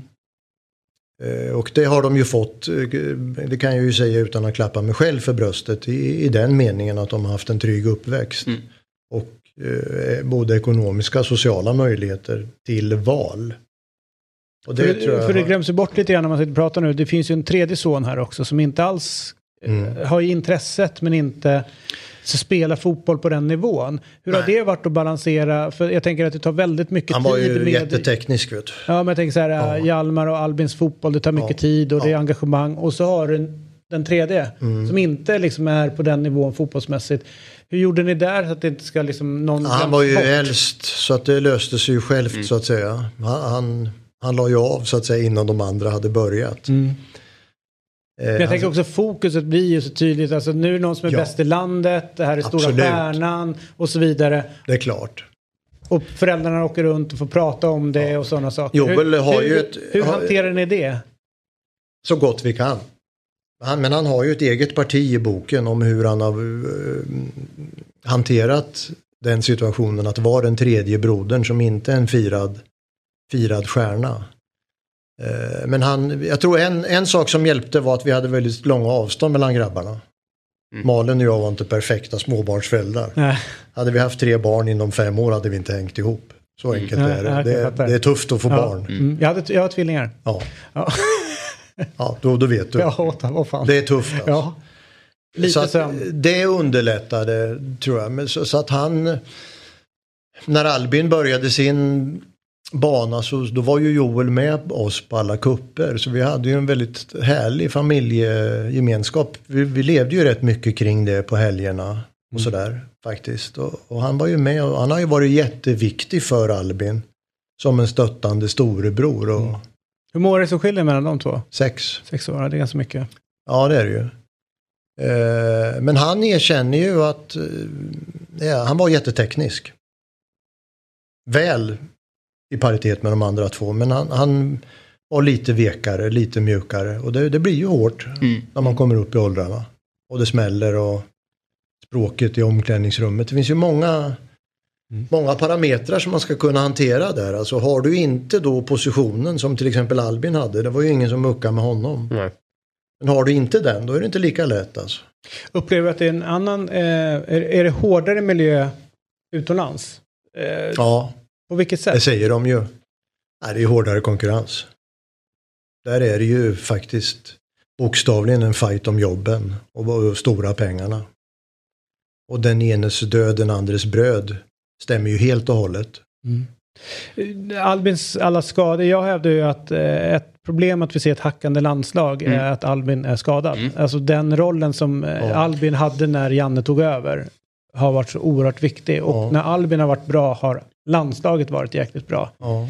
Alla de här skadorna, jag har ju suttit och varit frustrerad över att Albin har haft skadorna. Hur har det varit för honom under de här åren? ja, hemskt. Det är det, eller hur? Ja. Och jag tycker ändå att han har hanterat det väldigt Ja. bra utåt. Han har liksom inte visat så mycket. Nej men alltså han är... De, det är mycket, allt det jobb han har behövt göra för att hålla kroppen igång. Liksom. Ja, nej men det, det är klart att det är oerhört frustrerande att, att du, du når inte din fulla potential för att det dyker upp. Och det är olika skador hela tiden. Mm. Och är det inte skador så är det ju en osannolik otur. Ta det här som det- kallades nattklubbsskadan Ja. i handen. Det var ju för fan inte klokt. Nej. Och mycket, alltså tur i oturen sen får man ändå säga. Ja, men du vet ramla mot en bordskant och klyva upp ryggen. Så att du är på sjukhus en vecka. Och det var ju innan EM 16. exakt. och då lyckades han ju ta sig med. Det, det var ju en gigantisk bedrift egentligen. Men, nej, men det är klart att det har varit frustrerande. Och han skulle ju aldrig säga det själv. Men jag är ju helt säker på att med en rimlig skadefrekvens så hade han minst haft Christian Eriksens status som mittfältare. Mm. Minst. Ja, Jag, jag håller med. Det- det är jag rätt säker när, på. När, han, när det varit perioder när man sett Albin spela så har man ju sett liksom att höjden någonstans. Men alltså varje gång man känner nu, nu lossnar det. Mm. Då kommer någon grej. Mm. Någon vecka bara eller så, här, så att det blir något så här hack i det. Den har ju varit jäkligt jobbig. Men just som du säger, här i Stockholm, det pratas ju jäkligt mycket om just eh, att du var pappa då till eh, Albin, att det var fan, Len- Lennart har en, eh, en grabb. Det, det kommer bli det nästa stora. Så att, eh, eh, som, han hade ju inte bara pressen att vara stjärna i sin egen värld, utan han hade ju att det var din son också runt det hela. Ja, fast det, jag tror inte han kände det. Han så känner inte, men att folk ut, vi berömde ju utifrån att det är Lennarts jag var ju mer, jag menar då var jag ju rätt känd tv-nuna på den tiden. Ja, det är det jag menar, att du var, att det, det blev ju Eh, men den- du vet, jag blev ju rätt snabbt Albins pappa. Du känner det, ja. Ja, väldigt snabbt. Mm. Från han var 17 år och jag har nog varit mer känd som Albins pappa. Hur- Och hur var det för dig? Nej, kul. jag bryr mig inte om det. Hur, hur nära är vi nu då? Vi, vi har ändå haft det här läget att eh, Albin är uttagen till landslag. Men måste tacka nej. Hjalmar kommer in, men då är inte Albin där. Så att de har ju liksom varit i landslaget, fast inte samtidigt. Mm. Kommer du, alltså, eh, kommer vi få se Albin och Hjalmar samtidigt i landslaget? Ett ärligt svar är jag har ingen aning. Att, ja, du- Tror du Albin fortsätter i landslaget? Är det det så fall som är... så är han skadefri och kommer i form så, så är är det väl en, eh, en, en, en trolig fortsättning. Är han inte skadefri och det fortsätter ett tag nu, att han liksom aldrig når, då är det väl högst tveksamt. Så att det där är ju det ärliga svaret. Eh, Jag vet verkligen inte hur det blir med hans landslagsspel. Om du frågar mig vad jag tror om Hjalmars möjligheter så skulle jag ju tro att han kommer att få fler chanser. Måste han ju få. Får jag bara Eh, ja. förlåt. Eh, har, ehm, har Albins framgång har, eh, har det varit bra för Hjalmar eller har det varit tufft? För jag tror att personligen hade jag tyckt att det varit fruktansvärt om jag hade en storebror som... Ja men du, du där är ju avståndet är bra. Mm. De är, det är nio år mellan dem. Men han är ju lika mycket Albins bror som du är Albins pappa, om inte mer, tänker jag. Eller har jag varit det när han var yngre, måste han väl ha varit ändå. Ja men det har inte varit så himla mycket fokus på det i fotbollskretsar faktiskt måste jag säga. Alltså det Okej, du är lillebror till en, till en känd firad stjärna men eh, det blir intressant först när du börjar visa att det kan bli intressant. Förstår du vad jag menar? Det finns inte en automatik med, med förväntningar och annat. Okej, är det så att du blir väldigt bra själv, då blir kopplingen plötsligt intressant. Och Hjalmar själv säger att nej, men det har inte tyngt honom särskilt. Och, Sen olika positioner tänker jag också. ja, det har de ju. Och jag tror att eh, hade det varit två år emellan dem blir det en helt annan sak. Därför att då blir du be- bedömd i samma kontext. I samma tidevarv så att säga. Det är nog en annan sak, men nej. Har det hjälpt honom? Ja, det, det kan ha hjälpt honom. Nu, nu kanske det hjälper honom. Ja. Det, jag skulle nog säga att det är en fördel, det är en större fördel att vara känd. Än att inte vara känd, vad man än gör. I, dag, du- I dagens samhälle. Ja, men vad du än gör i, i någon sorts konkurrenssynpunkt. Ja. Mm, ja. I yrkeslivet eller eh, i fotbollen. Eh, men den eventuella aura som Hjalmar nu har fått har han ju själv tillförskaffat sig i allra högsta grad. Mm. Den har ju väldigt lite att göra med att han är en lillebror. Ja. Men att han är en lillebror är en intressant omständighet. Mm. Ja men så är det ju. Som ju inte har missgynnat honom. Nej, det är väl ingen dålig rådgivare tänker jag heller. Nej, de, de är jättetajta. Och, och, och Albin skräder ju inte orden. Nej. Han är ju ärlig. Det är väl hans, jag menar Hjalmar säger att jag får ju rosor av alla men inte av Albin. Jätteroligt. Han, han, är, han är sträng alltså och det tror jag är skitbra. Ser vi Albin i Djurgården tror du någon dag? Det är ju Bosse som du säger brukar ju ringa och tjata. Ja, men tveksamt. Eh, Det är sent.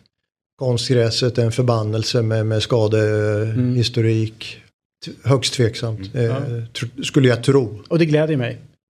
Eh, att han inte hamnar i Djurgården. Det är ju ändå så fin fotbollsspelare. Mm. Man inte vill se där. Okej, ni, ni har klubblojaliteter här som bärande inslag i den här podden. Ja, exakt. Nej, men det är väl när man, eh, om man får möjligheten att outa vad man håller på så tycker jag man kan göra det. Jag är gnagare. Ja, jag förstår det. Eh, Jag vill se dem spela ihop. Vad säger du? Jag, jag vill se dem spela ihop. Ja, men det så tycker jag lands- eh, i landslaget Absolut, hellre det. Mm. Ja, det vore roligt, för, det kan du förstå för mig då. Ja, jag kan tänka hur för hade det varit då. Mm. Någon, någon gång, någon match, någon, i något sammanhang vore det väldigt kul. Eh, och då kan man ju hoppas liksom att, att Albin inte är sträng på plan. Nej, exakt. Ge lite beröm där. Ja, Passa mig för fan! ja. ja, eller gör inte sådär. Ja, exakt. Jävla roligt. Panna mot panna. Ja, exakt. Storyn där. Nej. Vad var det? David Batty och någon annan i Newcastle, eller om det var Leeds, som började bråka för tusen år sedan. Ja, det är två brö- Newcastle- brö- ja, ja. Bröderna Eng- Ekdal. Båda rött va? Exakt. David, det är nu du ska säga att nu, idag har vi Lennart Ekdal här som gäst. För han har just kommit ut med en bok som heter Fotbollsfamiljen. Ja, och det, jag tänkte faktiskt, jag har så här stort på slutet där. Mm, det är bra det. Ja. Jag ville bara Ja, liksom lägga in en mellanrubrik. Nej, här kommer det större. För att det är inte bara det, utan vi kommer faktiskt lotta ut ett exemplar av, Mm. av den här boken eh, som vi har här i studion. Mm. Så att gå in eh, på sociala medier och så ser ni till att följa att Fotbollsmorgon på Twitter och Instagram. Och därifrån så kommer vi lotta ut någon som kommer få denna bok som jag också ska gå hem och läsa. Jag tyckte det var lite roligt när jag satt och småkollade här nu att eh, det är många som drömmer om livet som som proffs och sådär. Men plus och minus med proffsliv. Alltså lite så här. Eh, jag tyckte det var lite roligt. Roliga liksom. Du riskerar att bli inskränkt. Fotboll är ära men det finns annat i livet. Du var inne på det liksom att öppna upp och, och se. Så att, Mm. Ja men vi- det ju, finns ju drag av eh, en handbok för, för blivande proffsfotboll. Exakt. Eller föräldrar som står i valet och kvalet vad de ska rekommendera sina barn. Mm. Men svårigheterna någonstans att vara en fotbollsförälder och du ser att ditt barn har ett driv Mm. och ut, liksom ut, fortsätta utvecklas individuellt. Men fotbollen så leder de väldigt mycket kvar det kollektiva. Så här, att Mm. inte utveckla den indiv- individen för att bygga kollektivet. Så att någonstans där med att liksom vara en förälder, lära sig den här industrin som du har fått lära dig också med agenter, klubbar. Alltså det är ju det är en, eh, svårt att få grepp om alltihopa kan jag tänka mig. Eh, Ja det är det men det är ju nyttigt även för en förälder. Och, och intressant. ja. Men det här med individen kontra kollektivet är ju att, att tillhöra ett kollektiv som har väldigt trevligt. Som trots att du är gnagare så, så kan jag ju säga då att de verkar ha väldigt trevligt i Djurgården. Ja, ja men det är är kul. Ja, ja. Och det är mysigt och de rår om varann och faktiskt umgås väldigt brett inom laget Mm. verkar det som. Även om jag menar tre, fyra pers kanske går ut och tar en middag men det är inte ba- bara så att de, de eh, killar som kommer från Afrika till exempel Nej. hänger med varandra. Nej. Eller att de som har en BP-bakgrund hänger med varandra. Utan det, det finns en gemenskap. Är som jag tror i slutändan ändan gynnar fotbollen. Ja, och jag tror att just det du är inne på nu är inte just det som är så jävla viktigt. Jag, jag har sagt till mina barn att ni slutar inte idrotta, ni ska hålla på. Just också mötena. Eh, BP-ungdomarna möter de som kommer från den afrikanska kontinenten som möter dårens barn som direktörens barn. Alltså den, den, den smältdegel som ett omklädningsrum är tror jag är jäkligt viktigt. Svår att liksom, ja, Mm. där man verkligen... Ja, jag, frågar, jag frågar ju Hjalmar om det. Eh, och han säger ju absolut. eh, fotbollen som integrationsverktyg är fantastiskt. Alltså han träffar ju nu grabbar som han aldrig hade träffat. Nej. Därför att segregationsgränserna idag är ju ohyggliga. Mm. Eh, ni fattar inte hur det var när jag växte upp. Nej. Det var nämligen inte alls så. Nej, det var ett annat Sverige. Vi, vi, vi, vi pratade inte om det överhuvudtaget. Pratar man inte om det för att det inte fanns eller för att man inte ville se det? Nej men det, fan, det, det är klart, jag menar jag växte ju upp med kompisar som bodde sex pers i en tvåa och jag bodde i en femma. Men vi tänkte inte på det. Det, det, det var liksom ingen issue eller det var inget konstigt att vi möttes på, jämbördiga villkor. Nej. Idag är det ju inte alls så. Brommabarnen hänger med varann. Östermalmsbarnen hänger med varann. Hässelbybarnen hänger med varann. Det som har hänt är ju att fotbollen har gjort en klassresa. När Albin kom fram var det väldigt sällsynt att villabarn från gamla Bromma gick in i första laget i BP. Det var väldigt sällsynt. När Hjalmar kom fram nio år senare vimlade det av villabarn i första laget. Så att i den meningen har fotbollen breddats. Ja, och, Kraftigt ja, och, och- och, tappat en del kom- för att kostnaderna har blivit för en del som då som ska vara riktigt bra. Man ska vara med på kupper och allt så här. Ja, Alltså det är ju 10-20 000 per termin liksom som, som Det man kan dyrt, komma upp i. Och då ja. har inte alla råd att vara med. Helt plötsligt blir det en klassfråga In- också. Där ja. det kanske är dina grannar I någon Bromma. av killarnas lag smygsponsrade vi en ensamstående mamma. Mm. För att sonen skulle kunna hänga med Mm. på en utlandsturnering. Vad tänker du om det?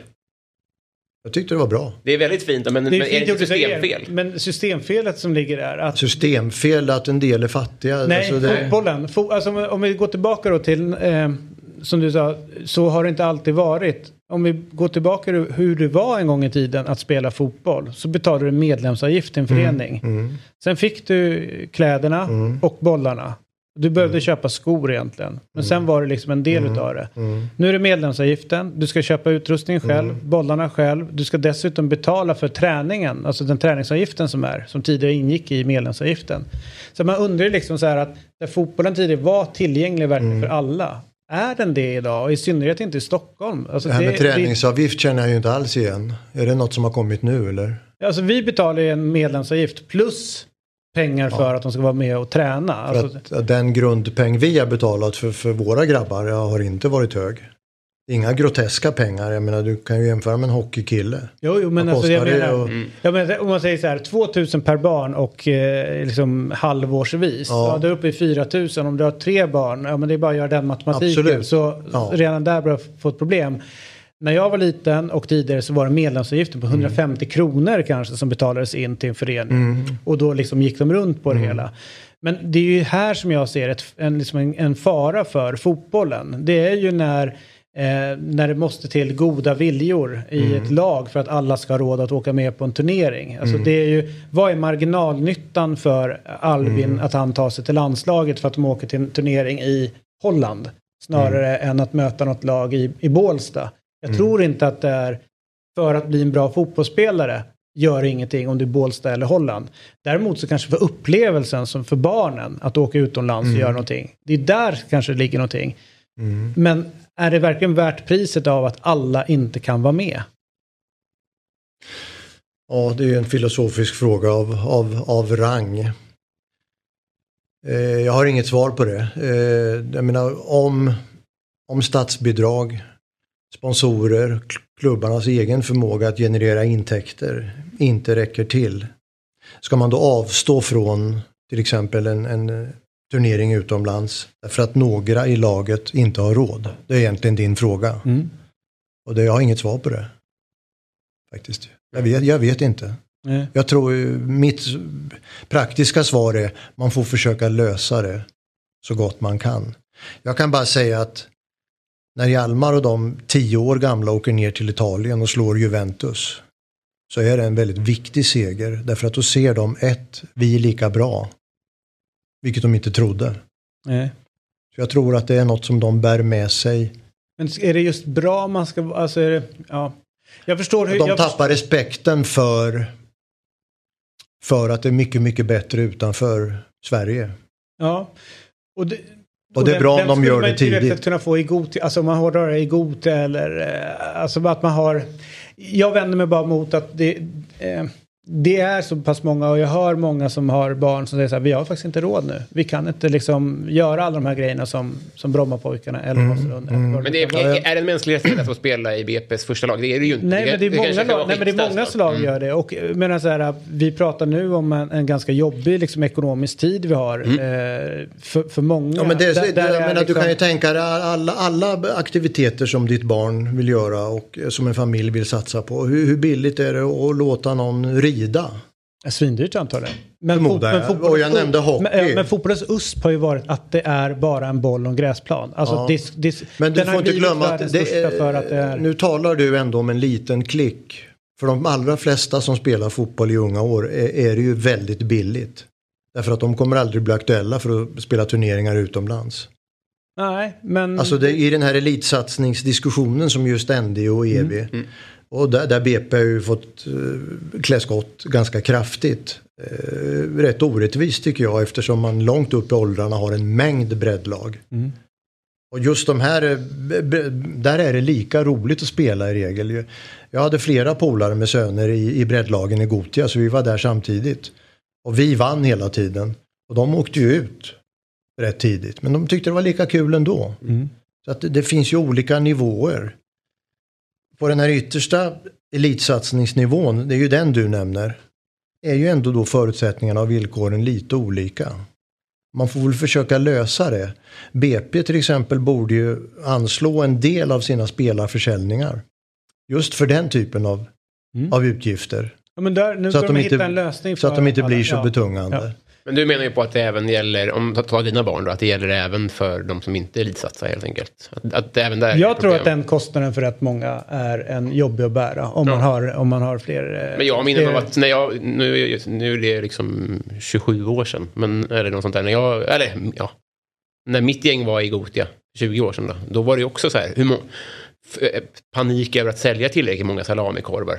Att vi kan, alltså, det, det var ju så vi fick in pengar, Ja, det var jo. jättestressigt för Ja men att ta, de här eländiga Bingolotterna, jag vet inte om det förekommer fortfarande men Köpte du dem själv eller gick du ut och sålde? jag köpte dem själv Ja. och jag fattade inte hur man skulle göra. Nej. Så jag följde ju aldrig några dragningar. Nej. Så jag kan ha vunnit miljontals Exakt. kronor utan att ha ringaste aning. hade haft Steffo-pengar nu. Nej, exakt. Du har, du har varit Steffo-rik Om du hade gjort som du skulle gjort. Det är det som är grejen. Ja. Eh, all right. Eh, fotbollsfamiljen, en pappas berättelse. Eh, den tycker ni ja att ni ska eh, lägga fingrarna på och om du inte vill betala för den som du borde göra så, kan vi, så kommer vi lotta ut en bok senare idag i sociala medier. Så följ Fotbollsmorgon på Twitter och Instagram. Tusen tack för att du kom hit den här morgonen. Mm, ja, vad trevligt även om det var tidigt. Ja, det är väldigt tidigt. Eh, och då fick du ändå den senaste lotten. Eh, Ja, man tar- jag- tiden. jag tackar extra för det. Ja. Väldigt hyggligt. Ja. Härligt. Imorgon är vi tillbaka med detta program som vi kallar för Fotbollsmorgon. Mm. Och jag har fått banning för att jag är för jävla dålig på att berätta. Vad som händer imorgon? Nej, inte vad som händer imorgon utan bara avsluta programmet. Mm. Ja, ja, ja.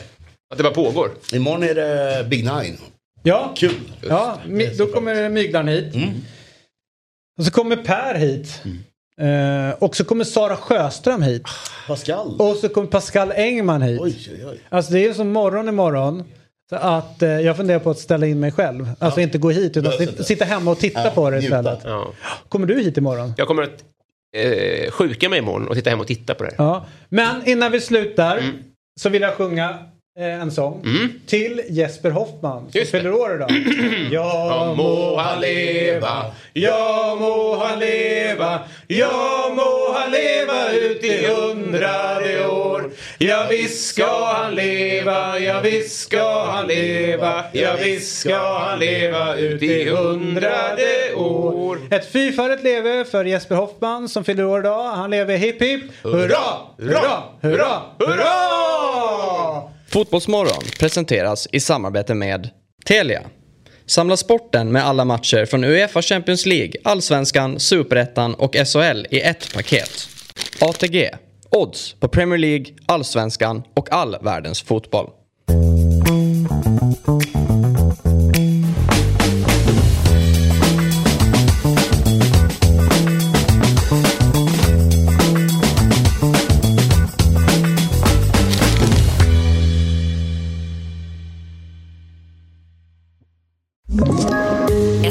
Poddtips från Podplay.